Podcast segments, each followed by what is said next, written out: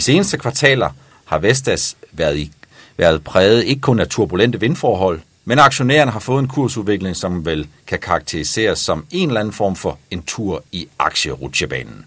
En større nedtur blev efterfulgt af en lidt mindre optur, og netto har det afkastmæssige udbytte af de seneste fire måneder nogenlunde været et 20% kursfald. Min gæst i dag i 6. afsnit af Penge med Per er chefen for Investor Relations, Patrick Sætterberg, som vil forsøge, håber jeg, at fortælle lidt om nutiden og en hel del om fremtiden og hvad du kan forvente dig af en investering i Vestas. Vi kommer ind på, hvad der skal drive udviklingen, indtjeningen og som følger heraf også om aktiekursen. Velkommen Patrick, og tak fordi du tager dig tid til at kigge forbi. Alle kender Vestas, men vil du ikke lige starte med at give lytterne øh, en fortælling om dig selv? Jo, det vil jeg meget gerne. Og øh, først og fremmest vil jeg sige tusind tak, fordi at vi får mulighed for at komme forbi og, og fortælle lidt om os selv i dag. Så, så tak for invitationen. Uh, som sagt, mit navn er Patrick Sætterberg. Jeg er chef for Investor Relation i Vestas. Jeg har været i Vestas i cirka et øh, halvanden års tid. Inden da, der har jeg arbejdet mere end 10 år i diverse øh, banker, uh, herunder Danske Bank og uh, Nordea, uh, hvor jeg har siddet som aktieanalytiker og, og fulgt blandt andet Vestas udefra. Og nu har jeg så fået glæden af at, at sidde indenfra og, og følge den, den daglige udvikling. Er det noget helt andet, hvis jeg lige må spørge kort om det, er det noget helt andet at sidde inde i og skulle være med til at fortælle budskabet udadtil, i stedet for at sidde udadtil og skulle være lidt kritisk over for de tal, der kommer indenfra? Der er selvfølgelig uh, nuancer, uh, og, og der er, det er en forskellig, forskellig hverdag. Uh, jeg er selvfølgelig meget glad for, at jeg kan holde uh, dialogen tæt med de investorer, øh, de aktionærer, øh, som jeg også tidligere havde kontakt med, i, da jeg var analytiker. Øh, så på den måde, så er der også øh, elementer af arbejdet, der minder om hinanden, øh, at man har en dialog med de samme personer. Øh, men selvfølgelig, der er en, der er en helt anden fokus på, på driften og på det strategiske, når man sidder inde i, øh, i forretningen. Og så er det vel også sådan, at når man sidder inde i forretningen, så bliver man firmaets mand, og så kan man måske ikke øh, tillade sig at være helt så kritisk og stille de kritiske spørgsmål, som man jo øh, skal, når det er sådan, man er analytiker og skal prøve at finde ud af, hvad der er hoved eller hale i omsætning og indtjeningsudvikling. Jeg, jeg tror at stadig, man stiller kritiske spørgsmål. Det er dog på en anden måde selvfølgelig, når man sidder som, uh, som intern mand i forhold til, når man sidder som, uh, som analytiker. Men, men de kritiske spørgsmål skal altid være der. Hvis vi går lige, lige på hårdt, Patrick, 10-11 milliarder euro i omsætning og en EBIT-margin på 9-11 procent for 2018 er det, som I har stillet investorerne i udsigt for hele året. Er det nogenlunde det niveau og det ståsted, som aktuelt viser Vestas' styrke og vindmarkedets muligheder, når vi snakker om omsætning og indtjeningsudvikling? Ja, hvis man starter med den øh, første del af spørgsmålet, som er relateret til vores guidance, som jeg har givet for 2018, som er de 10-11 milliarder euro øh, på omsætningen og øh, 9-11 procent på EBIT-marginalen, jamen så må vi jo sige, ja, det er vores aktuelle ståsted. Det er den guidance, som vi har givet for 2018. Hvis man så kigger på vindindustriens styrke og muligheder fremadrettet, jamen så, så synes vi jo, at vi agerer inden for en industri, hvor der, hvor der er masser af muligheder og en spændende fremtid øh, foran os. Øhm, og og det, det, det, det har vi jo prøvet at, med vores strategi og, og ligesom at, at fortælle noget mere om. Og øh, bare lige for at fortælle et par anekdoter omkring det, jamen øh, så er det jo således, at vi ser et energimarked, der er under forandring. Øh, vi ser, at den større og større del af vores elektricitetsproduktion kommer fra vedvarende energikilder, øh, herunder specielt vind. Øh, og hvis man kigger på de øh, fremtidige estimater, der er for den fortsatte udvikling, jamen øh, så vil en større og større andel af vores elektricitetsproduktion komme fra vind og vedvarende energikilder. Øh, vi kan også tage nogle tal, øh, som nylig er blevet publiceret øh, i, øh, i, i 2016. Hvis man kigger på, på øh, den opførte kapacitet af ny elektricitet, øh, jamen så var vind cirka 20 procent af, af den samlede installerede kapacitet.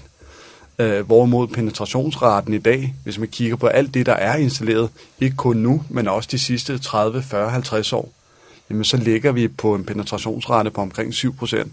Så der er et relativt stort hul øh, fra de der 7 procent øh, som er den globale penetration i dag, i forhold til, at vi ligger og, og tilfører cirka 20 procent af den samlede kapacitet i dag. Det vil sige sådan helt konkret, det er kun 7% af den energi, der bliver produceret i dag, som bliver produceret af vind, altså ikke er renewables i det hele taget, men kun rendyrket set på vind. Ja, okay, så for at være helt specifik, så, så består vind af 7% af den samlede elektricitetskapacitet i dag. Hvorimod den nyopførte kapacitet, jamen der kommer øh, 20% fra vind. Øh, og det fortæller jo lidt om den udvikling, vi ser øh, i den her energitransformation, øh, hvor mere og mere af vores elektricitet det kommer fra vedvarende energikilder. Og der vil vi pege på, at der er to grundlæggende fundamentale efterspørgselsfaktorer bag ved det. Uh, vi har jo et, en, en voksende energi- og elektricitet efterspørgsel i vores udviklingslande.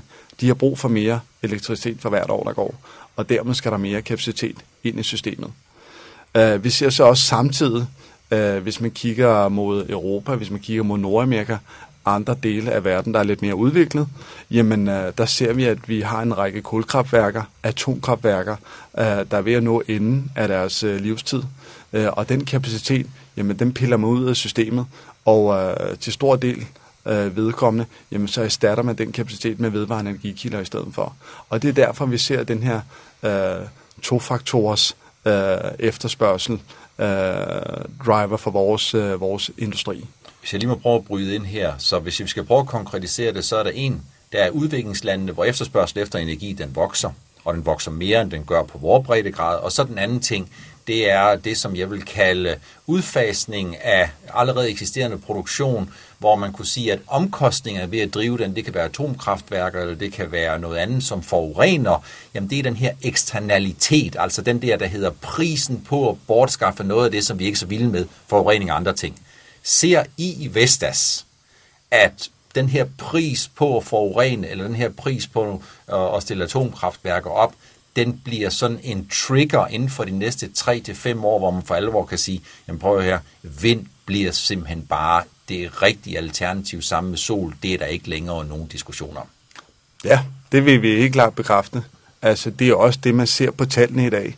Altså, hvis man kigger på, hvad der bliver opført af kapacitet i den mere modne del af verden, jamen så er det jo vind, sol, gas, der er de dominerende øh, energikilder, elektricitetskilder i dag.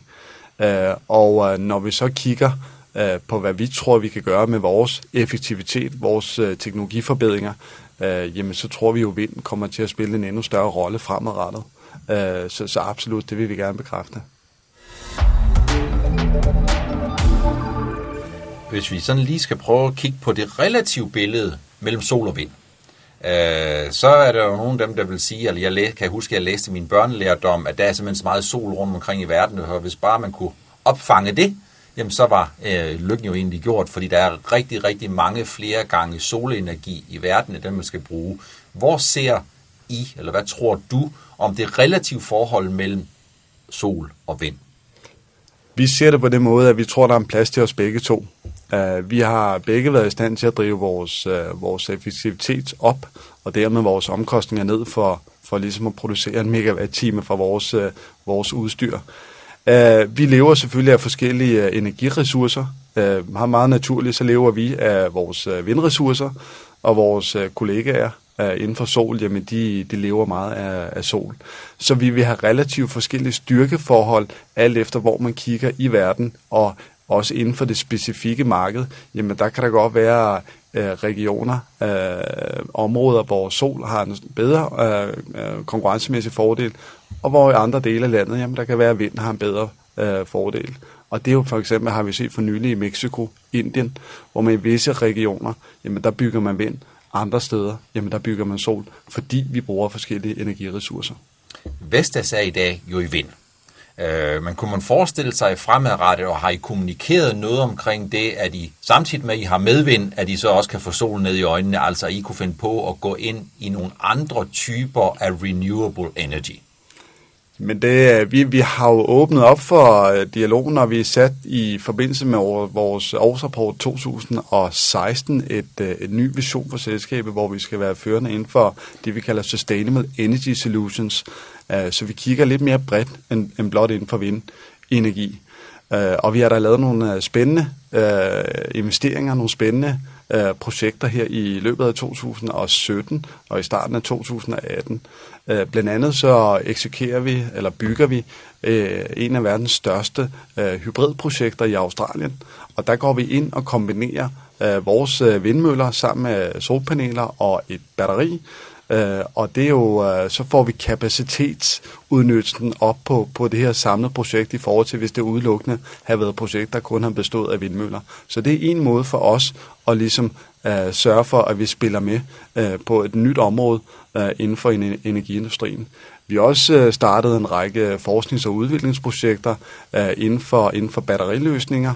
Øh, blandt andet har vi øh, involveret os, os selv i et øh, projekt oppe i Sverige, der hedder Northvolt, hvor vi er med og, og kigger på RD-udvikling inden for, inden for batteri og læring.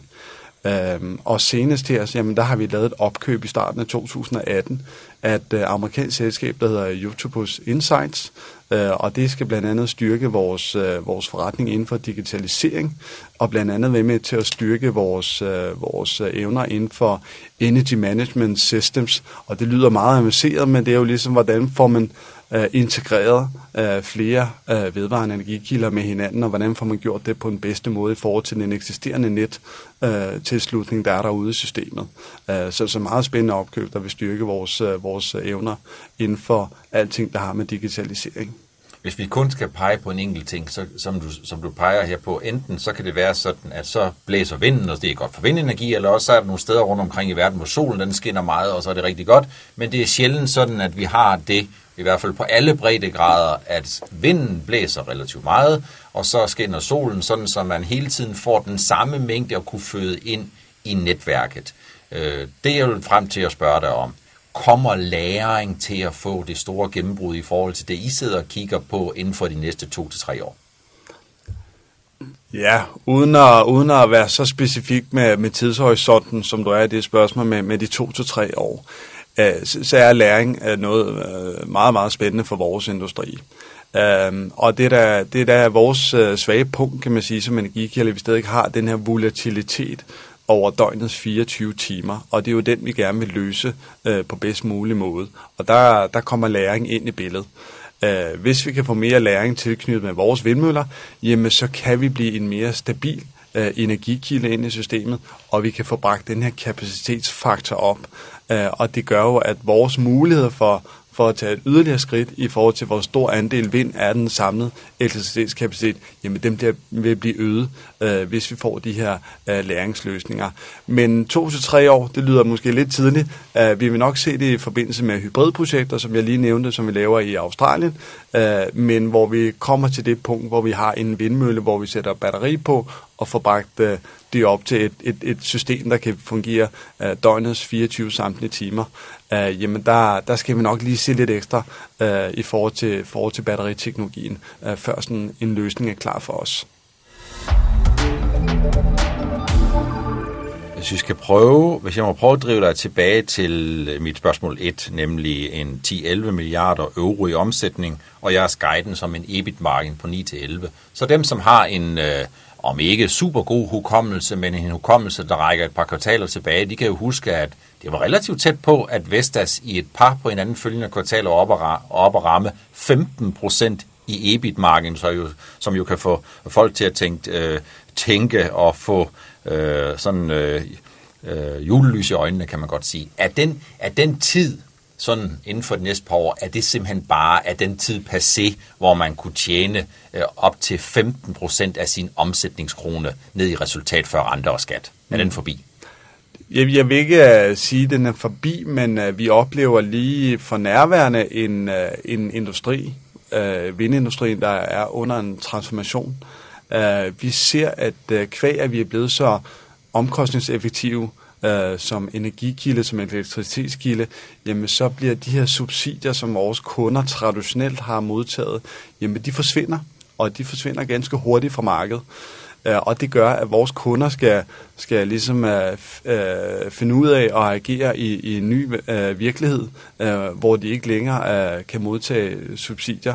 Øh, og det har, det har sat, uh, sat uh, lidt deres indtjening øh, under pres uh, for nogens vedkommende, uh, og dermed også, uh, at, uh, at vi har lidt uh, måske hårdere forhandlinger, end hvad vi havde for et par år siden med kunderne, og, og det har gjort, at vores indtjeningsmarginaler jo lige er kommet lidt ned i forhold til, hvad vi så i, i 2016. Men øh, på et eller andet tidspunkt, jamen så, og det tror vi ikke ligger alt for langt ud i fremtiden, jamen så er jo subsidier noget, der hører til historien, og så finder vi øh, sandsynligvis et nyt, øh, nyt øh, miljø, og, og der må vi se, hvad vi kan, kan drive, drive øh, indtjeningsmarginalerne til.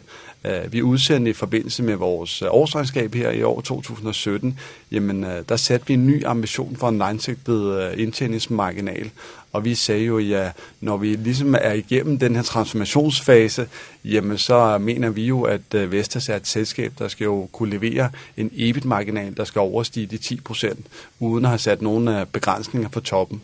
I har sat en nedre grænse, men I har ikke sat en øvre grænse, så kan man sige øh, 9, til, øh, 9 til 11, og I siger minimum 10. Altså, det er jo sådan, at der er jo sådan et gammelt øh, ordsprog i den her industri, der hedder, eller i hvert fald i investeringer, der hedder under-promising og over-delivering. Så når I siger 10, er det så i virkeligheden det, som I er meget overbevist om, som absolut er den laveste øh, ende, altså at I mener det meget håndfast, når I siger mindst 10? Jeg, jeg, jeg tror, at vi siger mindst 10, uden at have sagt, om det er en eller anden form for en svag minimumsguidance, eller om det er et, øh, et, et meget uh, niveau, vi skal ligge meget tæt på. Det, det, lad os i første omgang sørge for, at vi kommer igennem den her transformationsfase på en god måde. Øh, og vi har jo sagt, at jamen, vi skal nok kigge en 3-5 år ude i fremtiden, inden vi er fuldt ud igennem den her transformationsfase øh, og, øh, og så må vi se. Men øh, vi synes jo som sagt, at vi er i gang i en, en, en industri, der, der er under en, en meget positiv øh, udvikling i forhold til vedvarende energikilder. Øh, vi ser i vores egen øh, produktudviklingsafdeling, at vi har en række nye øh, produkter på vej til markedet, og vi ser fortsat muligheder for at effektivisere i vores egne processer, både hvad det gælder i forhold til produktion af vindmøller, men også i forhold til hele transport og logistik og installation af de her vindmøller. Øh, så, så det ser rigtig spændende ud, når vi kigger ud i fremtiden. Når I sælger vindmøller, så sælger I jo også meget ofte, og rigtig gerne har jeg opfattelsen af servicekontrakter med. Kan du sige lidt om, et, hvor ofte hænger de to ting sammen? Det vil sige, sælger I samtidig vindmøller, hvor I ikke har en servicekontrakt bundet i halen? Kan du sige lidt om for de forskelle, der findes i, hvor lukrativt det er at sælge vindmøller relativt til servicekontrakter, øh, og kan du måske som det tredje punkt sige en lille smule om, er servicedelen re- reelt set en underfokuseret del af Vestas forretning, og det må det jo være, hvis indtjeningsmarginerne i de et eller to øh, spørgsmål, jeg stillede her, er rigtig, rigtig gode. Mm. Jamen det er, det er korrekt. Service er en, en, vil vi mene, en meget vigtig del af, af, af det, vi sælger til vores kunder, og, og vi ser det absolut som, som et kerneområde for, for Vestas, lige så vigtigt som det er at, at bringe nye øh, vindmøller til markedet og sælge nye vindmøller. Det er jo typisk således, at når vi går ud og laver en aftale med at skulle sælge nye vindmøller til en kunde, jamen øh, så har vi en, øh, en garantiperiode, øh, og for ligesom at, at, at, at, at vi sørger for at give den garantiperiode, jamen så skal kunden også købe et, en service øh, aftale fra Vestas. Det vi så ser, det er jo, at øh, typisk set så køber kunderne øh, en serviceaftale, der rækker ud over den initiale garantiperiode, øh, så, så det ser ud til, at vi gør øh, noget rigtigt i forhold til at servicere øh, vores kunders møller. Øh, og du kan sige, hvad er det, vi fokuserer på, når vi overtager service øh, på, på, på, på møllerne? Jamen, det er jo ikke kun at gå op og skifte reservedele og smøre lidt olie på, på vindmøllerne. Øh, det er meget mere avanceret end så.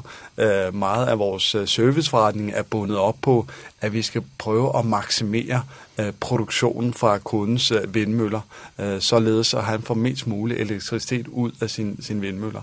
Og det er noget, vi har bevist, at vi er, vi er dygtige til, og derfor så ser vi, at, øh, at der er stor efterspørgsel efter vores servicepakker. servicepakker. Vil det sige helt konkret, når I sælger en vindmølle, og I har en garantiperiode, som er en integreret del af det at sælge en vindmølle, så er der en servicekontrakt, men den første servicekontrakt, som I har, som jo findes inden for garantiperioden, den modtager ikke som sådan en særskilt et særskilt honorar for. Er det rigtigt forstået? Ja, vi vil, vi jo også modtage honorar i den periode. Det, det, er, det, det er ligesom, vi, vi skal have en, øh, kunden skal have en garanti, og vi sælger en service dertil. Uh, så så det, det, det følges ad. Øh, men, men som sagt, kunderne vælger typisk at købe en, en serviceaftale, der rækker ud over det. Når det er sådan, man har, hvis øh, Gamesa, Siemens Gamesa eller General Electric, øh, som jo er nogle af de meget store konkurrenter, når de sælger vindmøller, øh, er det så sådan, at når øh, de sælger vindmøller, så sælger de servicekontrakter, og når Vestas sælger vindmøller, så sælger de service, I sælger servicekontrakter til jeres vindmøller? Eller er det sådan, at Siemens Gamesa og eller General Electric sælger vindmøller, og så på et eller andet tidspunkt, umiddelbart derefter, eller efter en 3 eller 5 årig periode, vælger nogle af de kunder, der har købt de her vindmøller, at få en servicekontrakt hos jer for eksempel. Hvor, hvor tæt hænger det sammen? Det, det hænger jo meget tæt i den første del af vindmøllens øh, levetid, at man køber sin serviceaftale hos den leverandør, der også leverer møllen. Men, men efter en vis periode, jamen der er jo servicekontrakten op til fornyelse, til genforhandling. Og der ser vi da, at, øh, at vi er i, i stand til at tage serviceaftaler på øh, vores konkurrenters øh, vindmøller. Øh, og det er med udgør cirka 10% af den backlog, vi har inden for vores serviceforretning. Og vi har da også øh, fokuseret på det øh, inden for de sidste par år. Øh, vi lavede et par opkøb tilbage i 2015 og starten af 2016, netop for at styrke vores evne til at kunne servicere andre vindmølleproducenters møller. Øh, og det er noget, vi ser store muligheder for fremadrettet også. Øh, det er jo ikke nogen hemmelighed, at når man kigger på en totalt installeret base derude i, i verden, jamen så er vores, hvad kan man sige, Vestersmøller, jamen det er i underkanten af 20 procent af den samlede installerede base, hvorimod du kan sige, at det, der er opført af andre producenter, jamen det er jo de så resterende mere end 80 procent. Og derfor er der jo stort potentiale at gå efter, øh, hvis vi kan styrke vores evner inden for at servicere vores konkurrenters møller. Kunne I for, kan man forestille sig, eller skal investorerne frygte, at Vestas vil ud og kabre servicekontrakter, drille de andre og stjæle noget af det, som måske naturligt øh, hører hjemme under dem selv, ved at underbyde nogle servicekontrakter? Nej, det er ikke måde, vores måde at lave forretning på. Det er med fokus på at det skal skabe værdi for os og kunden. Uh, så, så vi vil jo gerne vinde de her servicekontrakter ved at have den bedste, bedste tilbud til kunden. Øh, og, og der er ikke noget, hvad kan man sige, vores, vores øh, øh, hvad skal man sige, vores øh, engagement for at, at vinde de her kontrakter er jo ikke ude på at, at drille vores konkurrenter, det er ude på at, at ligesom give den bedste værdi til kunden, og så er det jo op til kunden at vælge, hvad de synes øh, giver mest værdi for dem. Så man slipper ikke igennem contract review board, hvis sådan et stadigvæk øh, findes med at komme med et budget på en servicekontrakt, som er en undermåler i forhold til den indtjening, man kan lave på andre ting? Nej, det, det, det, det er det ikke. Og vi har også sagt for vores serviceforretning, at vi gerne øh, vil vedvare med at have en, en, en høj og stabil indtjeningsmarginal. Øh, og det er også det, vi har stillet til udsigt til vores aktionærer. Øh, så det, vi skal vinde kontrakter på, skal også øh, sørge for at bakke op omkring den målsætning, vi har givet ekstern. Jeg ved ikke, nu kan jeg jo prøve, og så må vi se, om det lykkes. Kan jeg lokke sådan lidt ud af dig ved at måske spørge direkte ind til, er det mere lukrativt sådan målt i EBIT margins at sælge og installere en vindmølle, eller er det mest lukrativt at øh, indgå nogle af de her øh, servicekontrakter? Ja, og, og du kan sige, at vi er faktisk ikke så hemmelighedsfulde omkring det, fordi vi har faktisk oplyst øh, indtjeningsmarginalerne, øh, både hvad vi får i, i forhold til at installere og og producere vores vindmøller, og i forhold til øh, at efterfølgende servicere dem. Og vi ligger med en indtjeningsmarginal øh, på EBIT-marken øh, på cirka 20 procent. Øh, og det er, det er væsentligt højere, end, end hvad vi gør inden for øh, kan man sige, produktion og installation af vindmøller. Så, så på den måde, så kan du sige, at det er mere øh, lukrativt at, at have en, øh, køre en serviceforretning. Det, der så er for vores vedkommende nu, jamen det er jo, at serviceområdet er jo væsentligt mindre end øh, du kan sige salg af vindmøller og projekter. Men øh, vi har da set en god vækst for serviceområdet, og vi forventer en fortsat god vækst for, for, for service. Øh, vi ser en akkumuleret base af installeret øh, kapacitet derude. Jamen den vokser øh, per år, og det giver jo nye muligheder for vores serviceforretning at vokse. Så, så vi har en, en, en stærk tiltro øh, til vores serviceforretning fremadrettet. Hvis du skal prøve at kigge, Patrick, på øh, de her store øh, udbydere, hvad er det så, der kendetegner? Hvad er fællesnævneren for dem, der har succes? Altså, hvad er det, de kan? Hvornår får man skalafordele? Hvor stor skal man være? Og hvor meget ekstra bliver der, hvis man går fra at have en global markedsandel på 20% til 25% sådan i skala? Kan du sige sådan lidt om det, sådan i rundetal? Mm. Det, det er... Det, det er nok svært at sige, give et eksakt tal, men, men hvis vi kigger på vores egen forretning, øh, Øh, og øh, vi er jo så en af de førende producenter med den største markedsandel øh, blandt vindmølleproducenterne. Vi ligger med de højeste indtjeningsmarginaler i industrien. Øh, vi synes jo noget af det, der gør en forskel for Vestas i dag, jamen det er jo blandt andet vores globale til, øh, tilstedeværelse, at vi har produktion, salg, forskning og udvikling, øh, stort set i, i alle regioner øh, rundt omkring i verden, øh, der gør, at øh, lige meget hvor efterspørgselen er, jamen så har, er, har vi mulighed for at være med til at, at, at agere på det marked. Øh, og det, det, det, er, det er en styrke som, som selskab, fordi det vil være stadig for, for vores industri, at i det ene år, jamen der er markedet måske stærkt, og det næste år, der er det jo noget sværere. Øh, men når vi kigger sådan gennemsnitligt for hele industrien, jamen så er der jo faktisk en, en relativt pæn, stabil udvikling. Men er det i virkeligheden der, hvor, hvor hvad skal man sige, lidt underfokuseret, hvor skalafordelen kommer ind, sådan at hvis man er relativt stor, har en stor, et stort øh, godt flow i sin forretning, jamen så har man muligheden for at have nogle serviceforretninger eller nogle andre relateret rigtig mange steder i verden, så man bliver en, der hurtigt kan rykke ud, en, der er stabil, en, der er der lang, langsigtet, i stedet for, hvis man er i et land, hvor man har en kontrakt i ny og næ og en gang imellem, så ved man ikke, om man skal have 10, 12 eller 42 mennesker ansat der. Mm. Jo, men det, det er det. Og det er også i, i, i forhold til, at, hvis, hvis nu snakker region, øh, hvis vi nu tager en, et Latinamerika, jamen så kan det jo være, at det ene år, der, der er der jo stor efterspørgsel i det brasilianske marked, og så efterfølgende, jamen, så daler efterspørgselen i Brasilien, men til gengæld viser der så nye muligheder i Argentina og Mexico. Og, og så kan du sige, når vi er en global øh, spiller, som vi er, jamen så, så, så behøver vi ikke lave så store forandring for ligesom at, at, at, at, at, at servicere de markeder, hvor efterspørgselen er. Vi kan hurtigt omstille uh, vores forretning, hvilket jo er væsentligt uh, mere problematisk, hvis man er en mindre aktør.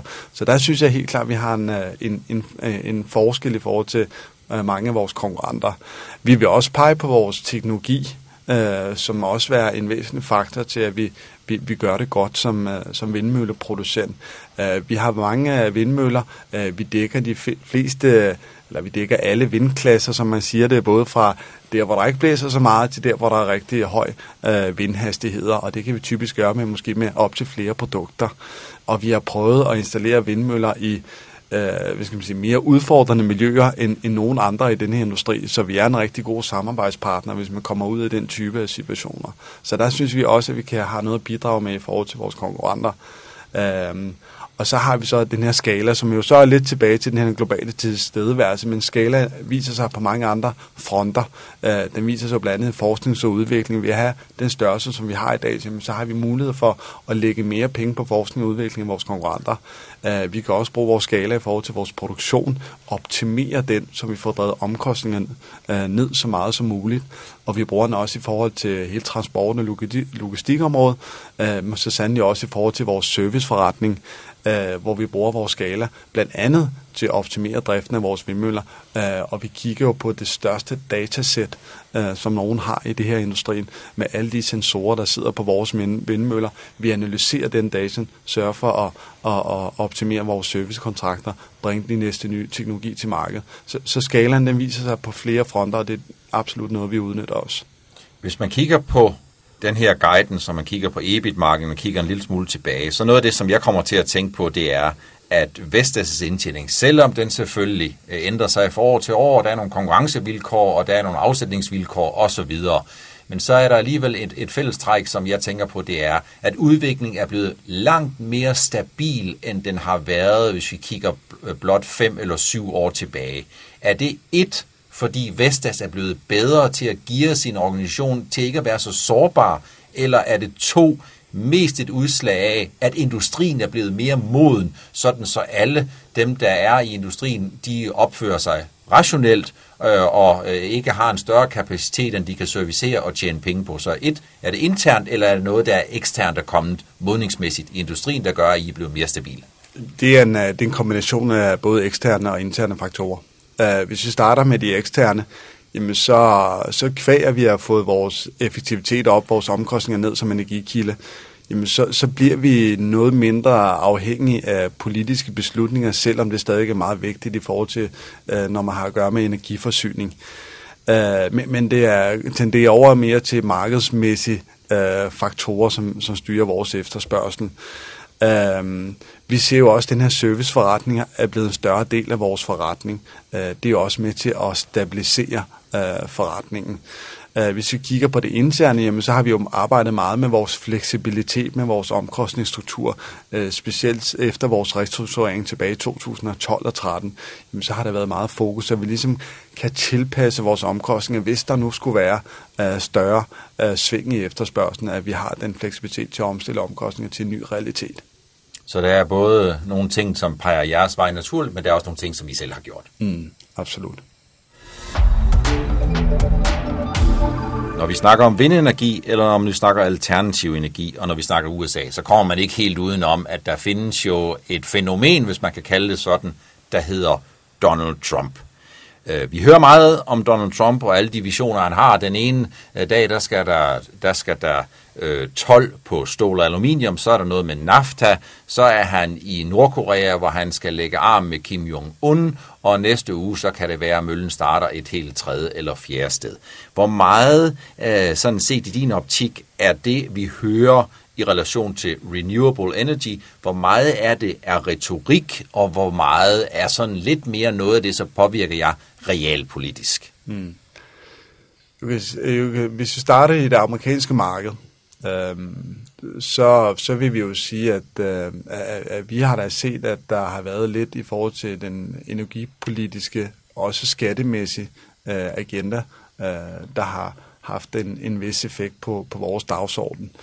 Uh, det skal så siges, at uh, med den uh, skattereform, som USA vedtog her i efteråret, jamen, så blev udfaldet faktisk, at man bibeholdte den øh, subsidieordning, som hedder som øh, Product Tax Credit, men den bibeholdt man, øh, som den hed til at have været øh, under samme øh, vilkår. Så du kan sige, at vi har i hvert fald se, ikke set på den front, at vores øh, dagsorden har blevet øh, forandret. Hvis jeg lige må holde dig fast, er det ikke rigtigt, Patrick, at allerede under PTC-forlængelsen frem mod 2020, der ligger der en aftrapning i den, så det, at man bibeholder PTC'en, det betyder ikke, at man bibeholder det subsidieniveau, vi har i 15 eller 16 eller 17, men der allerede, hvis vi lige skal blive ved den, jamen der ligger der en aftrapning frem mod 2020. Jamen det, det er fuldstændig korrekt. Så, så øh, for at tydeliggøre, jamen så, har, så vedtog man tilbage i 2015 en udfasning af den uh, subsidieordning, man har i USA. Så fra med 2020, jamen så eksisterer der jo igen uh, ikke nogen subsidie for det marked. Uh, lidt den samme trend, som vi ser for resten af verden. Uh, det, der var så under diskussion i forbindelse med den her skattereform, jamen det var, om man skulle ændre nogen. Skulle man lave en hurtigere udfasning eventuelt? Øh, og øh, og det, det endte man så med ikke at gøre, øh, vedtog man fra kongressens side. Øh, og du kan sige, vi er nok også et selskab, der altid er vant til at under, agere under en vis øh, politisk indflydelse. Øh, energiinfrastruktur, energiforsyning øh, er for vigtigt til, at man fuldstændig kan overlade det til markedskræfterne.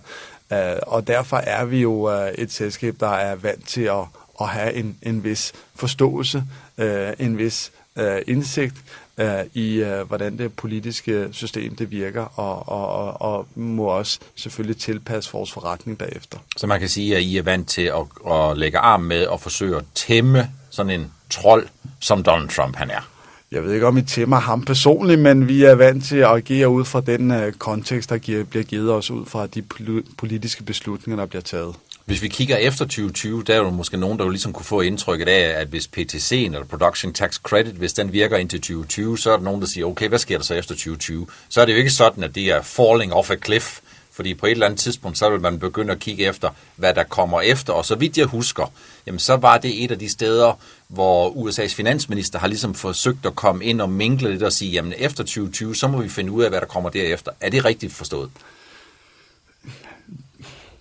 Ikke være, ikke være, så nu er, der er jo altid initiativer, der er foregår i det politiske system, men jeg tror ikke, at vi sådan sidder og venter på, at der skal komme et eller andet, der skal efterfølge øh, PTC'en. Hvad vi har fokus på i Vestas, det er jo at sørge for at forbedre vores effektivitet, øh, sørger vi for bragt omkostningsniveauet ned for at producere øh, megawatt-time fra en vindmølle, således at vi ikke øh, behøver at, at vente på en eller anden form for en politisk aftale, således at vi kan sælge på, på ren øh, skal man sige, markedsvilkår. Og der er en række stater rundt omkring i USA, der har en, øh, en dagsorden, øh, der, der rækker ud over det federale øh, dagsorden, øh, og det skal nok også skabe øh, muligheder fremadrettet for vores teknologi. Men vi, vi kigger prim, primært på, hvad vi kan gøre internt i forhold til at effektivisere vores teknologi. Hvis man kigger på Ørsted, så har de vel taget hul en lille smule på den her debat ved at byde ind på nogle udenlandske kontrakter, hvor de ikke er sikret en minimumsafregning øh, i relation til politikernes ved og vel. Er det, øh, er det modigt gjort af Ørsted? Er det også den vej, I ser går? Og er det sådan, at hvis politikere lige pludselig finder ud af, at nu bliver man ikke, øh, nu bliver man ikke længere begunstiget af sådan nogle øh, subsidier, øh, vil, det så, vil det så være en kæmpe risiko, eller vil det egentlig bare betyde, at den udvikling, som under normalt ville tage 5-7 år, den tager måske kun 2-3 år, for hvis man ikke tilpasser sig, bliver mere effektiv, kan få mere energi ud af det samme, jamen så kan man simpelthen bare ikke være konkurrencedygtig. Det, det er jo øh, nok den realitet, vi har foran os, at vi, øh, vi som industri, som selskab, skal drive øh, vores teknologi derhen, øh, hvor vi skal øh, mere øh, kigge på markedsprisen på el, øh, frem for at vi får en eller anden form for garanteret pris, eller vi får en, en fast pris. Øh, så, så det er jo øh, det, er jo det øh, der skal til for at være langsigtet og, og bibeholde sin position i den her industri, og det er jo helt klart på vores dagsorden. Hvis man skal kigge på en af jeres store konkurrenter, General Electric, så er det jo ikke nogen hemmelighed for nogen, i hvert fald dem, der følger med i aktiekursen, at indtjening øh, den er noget under pres. Hvis vi kigger på øh, indtjeningsforventningerne, så er de vel inden for de sidste 15 måneder gået fra noget, der ligner cirka 2 dollar i konsensus til 0,75 af aktiekursen. Jamen den har desværre fulgt øh, rigtig godt efter, og måske i visse perioder endda været lidt øh, foran.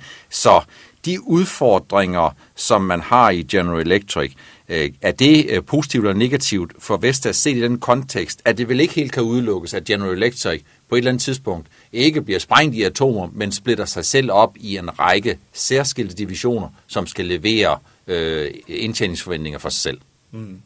Jeg skal måske lige starte med at sige, at jeg har jo ikke den fulde indsigt i General Electrics øh, indtjeningsudvikling de sidste kvartaler, sidste, sidste mange år. Uh, vi synes uh, helt klart, at General Electric er en dygtig konkurrent, uh, og uh, vi respekterer dem uh, meget som, uh, som en aktør i, i vores marked. Uh, om de så kommer til at fortsætte som kan man sige, en, en underdivision i det store General Electric, eller om de kommer til at blive skal man sige, udskilt som sit eget uh, selv, eller selvstændigt selskab, jamen det, det tror jeg ikke ændrer vores fokus. Uh, vi tror stadigvæk, at de kommer til, uanset hvilken ejerform de har, så kommer de til at være en stærk konkurrent, som vi skal, skal sørge for at, at, at, at, at konkurrere så godt som muligt op imod. Uh, så, så det har vi, og så kan du sige, indtjeningsudvikling er, har jeg ikke nogen større indsigt eller, eller nogen kommentarer til.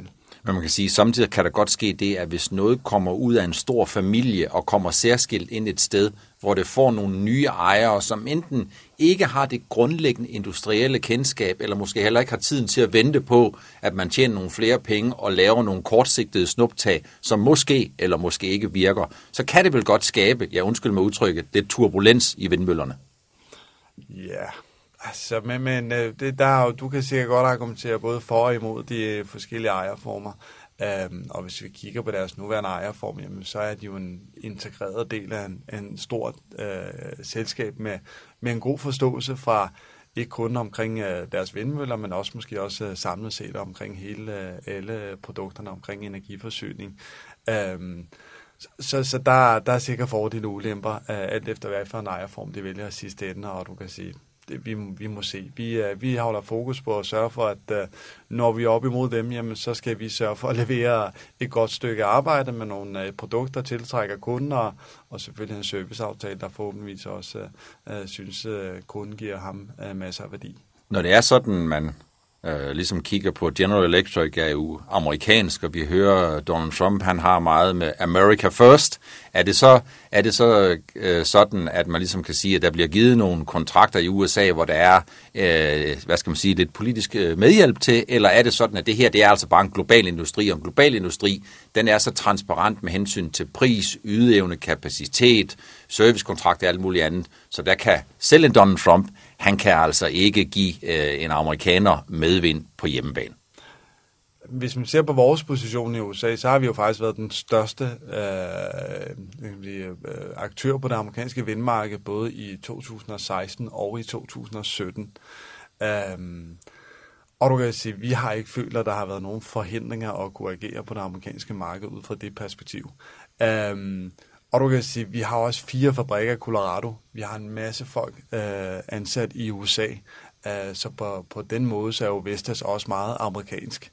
Øh, og, øh, og, og vi, øh, vi, vi øh, supplerer øh, størstedelen af, af, af vores øh, vindmøller til det amerikanske marked kommer fra, fra vores amerikanske fabrikker.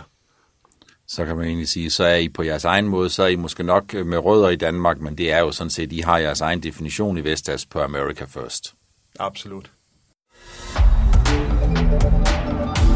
Vi er nået til vejs ende.